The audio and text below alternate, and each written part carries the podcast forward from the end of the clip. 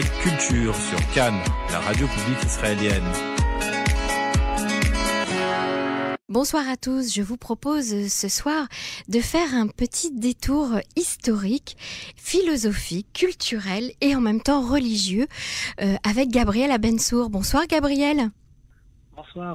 Alors je rappelle à nos auditeurs que vous êtes euh, chercheur, euh, penseur à l'université euh, hébraïque de, Jérusalem et que vous êtes également enseignant.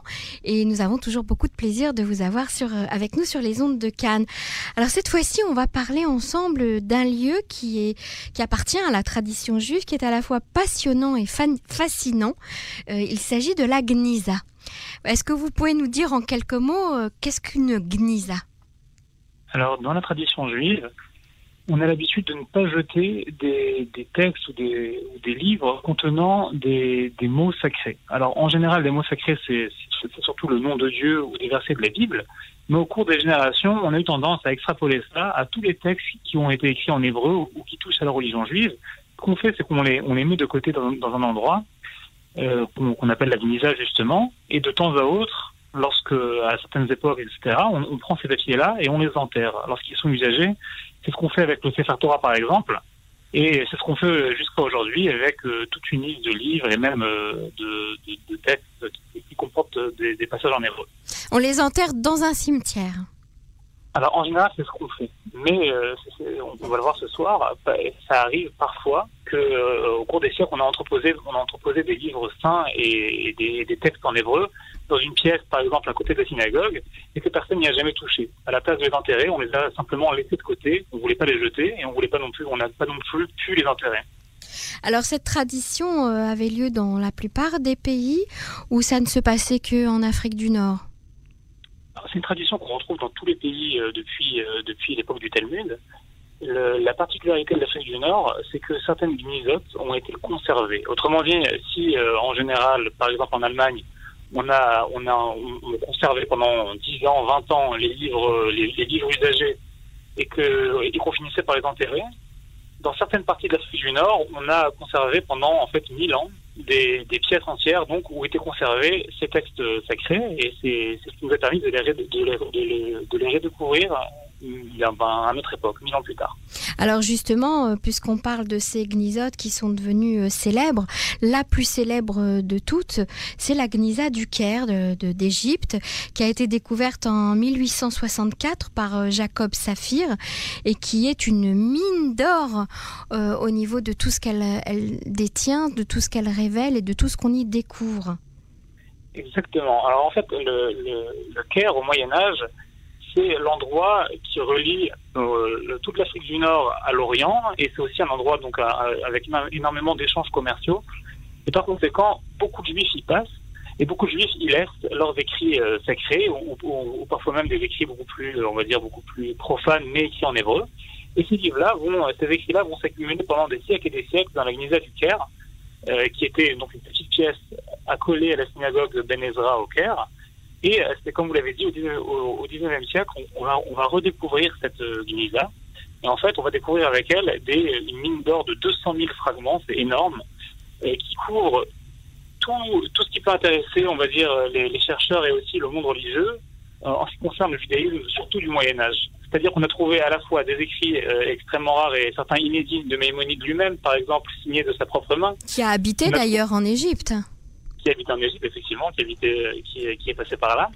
On a trouvé des livres d'énormément, euh, on va dire, de, figures qu'on connaissait euh, de, l'âge d'or espagnol, de, des Géonides qui vivaient en Irak.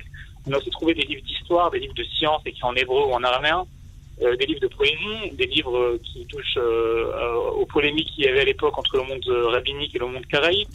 Énormément aussi de papiers en fait d'affaires, puisque les, les, les hommes d'affaires juifs écrivaient en hébreu et s'envoyaient des lettres en hébreu. Et donc souvent, on, a, on avait tendance à prendre ces lettres-là et à les mettre à la Gnisa comme si elles étaient sacrées, alors qu'en fait elles étaient profanes. Et on a aussi trouvé euh, des textes magiques et des, en hébreu aussi, des formules magiques, des... Alors là, on va y venir. On va y venir parce que ça, c'est la cerise sur le gâteau euh, de notre entretien. Euh, ça veut dire que grâce à ces documents qu que l'on a, on découvre dans une Gnisa, on pourrait presque réécrire l'histoire d'une communauté, non? Eh ben, en fait, c'est ce qui a été fait durant 100 ans. Ça a, pris ça a pris à peu près 100 ans de faire le tour de tous les fragments euh, de la Gnisa du Caire qui sont éparpillés à travers le monde. Euh, il y en a quelques-uns euh, à l'Alliance israélite universelle à Paris, la plupart sont à Cambridge, une partie est en Israël, une partie est au GTS aux États-Unis.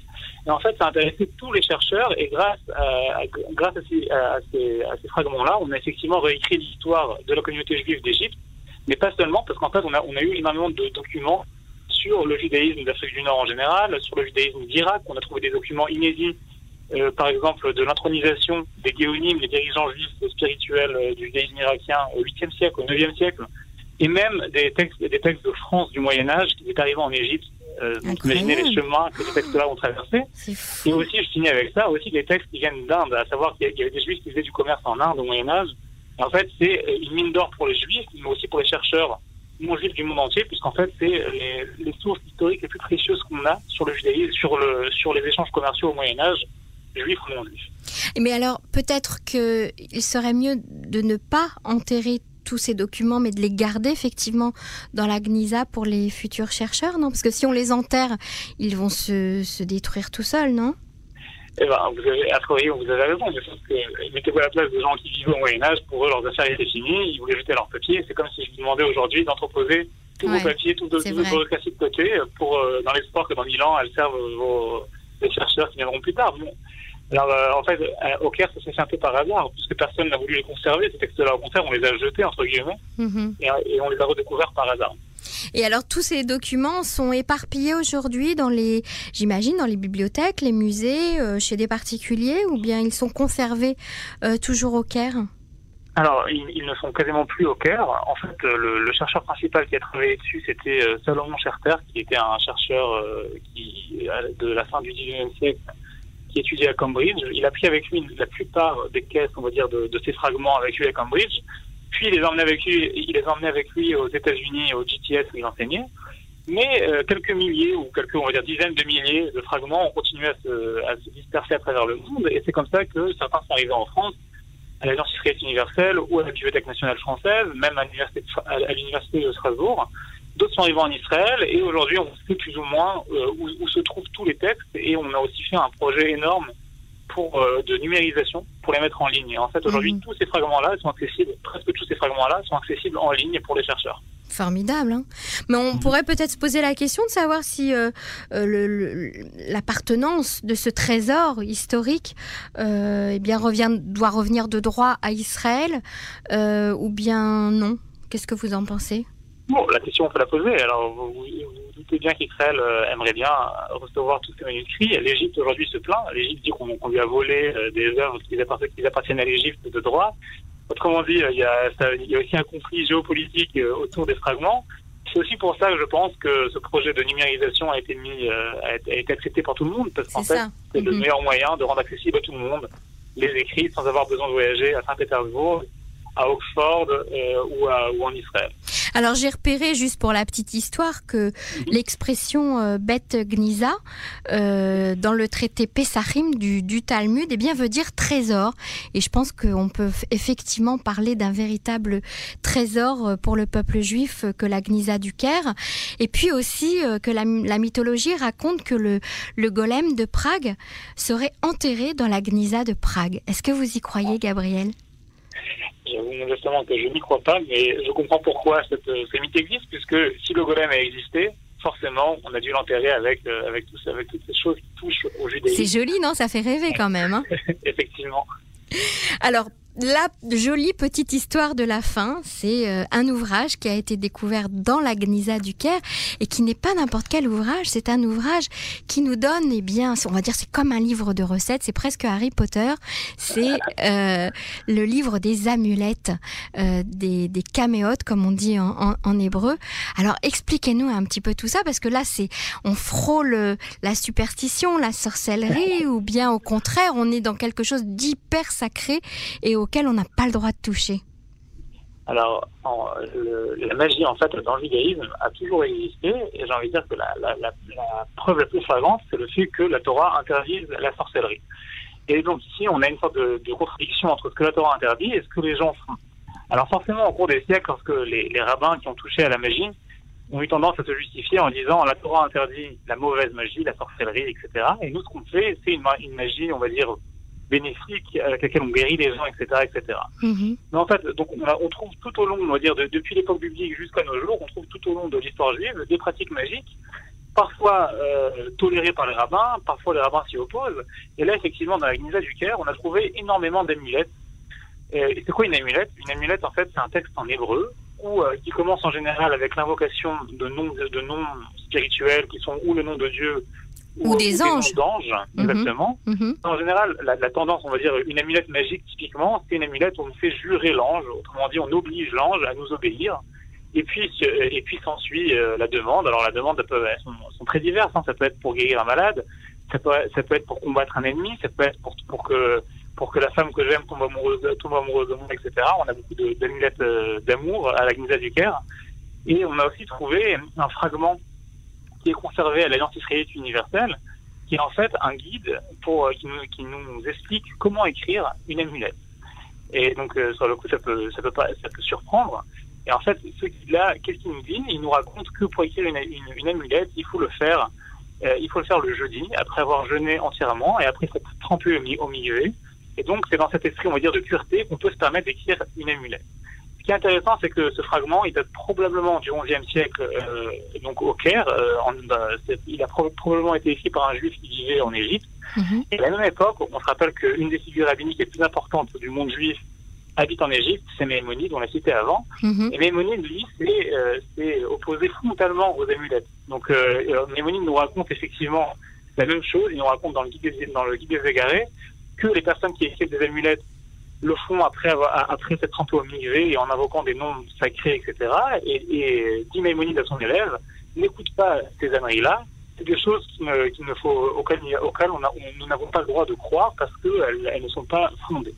Et là, si vous voulez, on voit en fait l'opposition très forte qu'il y a eu au cours des siècles Mhm. entre d'un côté les rationalistes et de l'autre côté les personnes, les mystiques, et les personnes qui ont défendu des pratiques magiques, on va, on va dire light.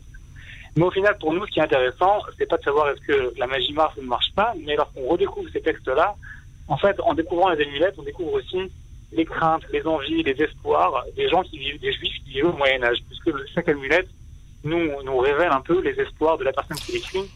Mais j'ai envie d'ajouter. Gabriel, que ces espoirs-là et ces envies-là, eh bien, elles sont universelles tout d'abord, et puis qu'en plus, elles traversent les, les- les époques et les temps, parce que j'imagine qu'aujourd'hui, ce seront toujours les mêmes. C'est euh, comment euh, faire pour qu'il tombe amoureux de moi, comment devenir riche, comment se marier, euh, etc., comment vaincre mon ennemi. Ça ne change pas. L'être humain ne change pas, en fait. Alors, je suis tout à fait d'accord. C'est une, façon de nous, de nous, en fait, de nous rappeler euh, le, le- le côté universel de l'humanité. C'est de voir que des juifs qui vivaient au Moyen-Âge en Égypte pouvaient avoir, les mêmes soucis que nous aujourd'hui. Et en fait, euh, on a aussi les noms, parce que grâce à les, les amulettes sont en général euh, nominatives, à savoir euh, la personne qui l'écrit met son nom en entier, euh, un tel, fils d'un tel, etc., etc., veut, euh, veut, qu'une telle, fille d'une telle, etc., tombe amoureuse de moi. Mhm. Et ces choses-là, en fait, aussi une, donc une mine d'or pour les historiens, parce qu'on arrive, en fait, parfois même à redessiner des familles entières qui vivaient en Égypte et à redécouvrir leur ligne, qui était le fils de qui, qui vivait où, qui travaillait dans quel domaine, et c'était quoi les espoirs et les échecs qui pouvaient euh, arriver tout au long de la vie de ces gens-là. Et qui pouvait écrire ces amulettes?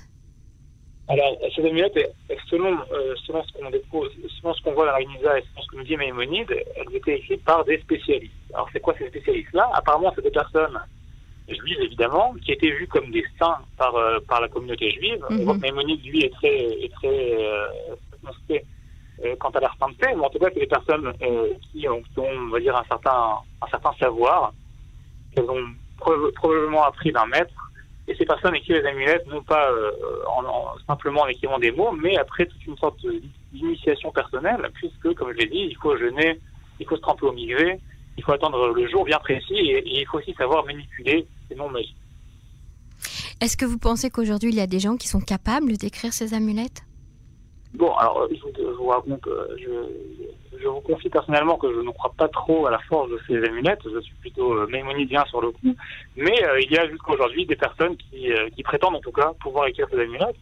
On peut citer euh, un, un rabbin quand même assez important, un kabbaliste important du XXe siècle, le Rav Kadouri, qui Mhm. lui a écrit quelques amulettes et les personnes qui croient aux amulettes et elle est souvent chercher chez lui. Alors ça aussi, ça, ça a fait lever les sourcils de, de, de, de rabbins qui étaient contemporains, comme le Rav Yosef, qui lui aussi était un peu plus mémonisien et n'aimait pas trop cette histoire d'amulette.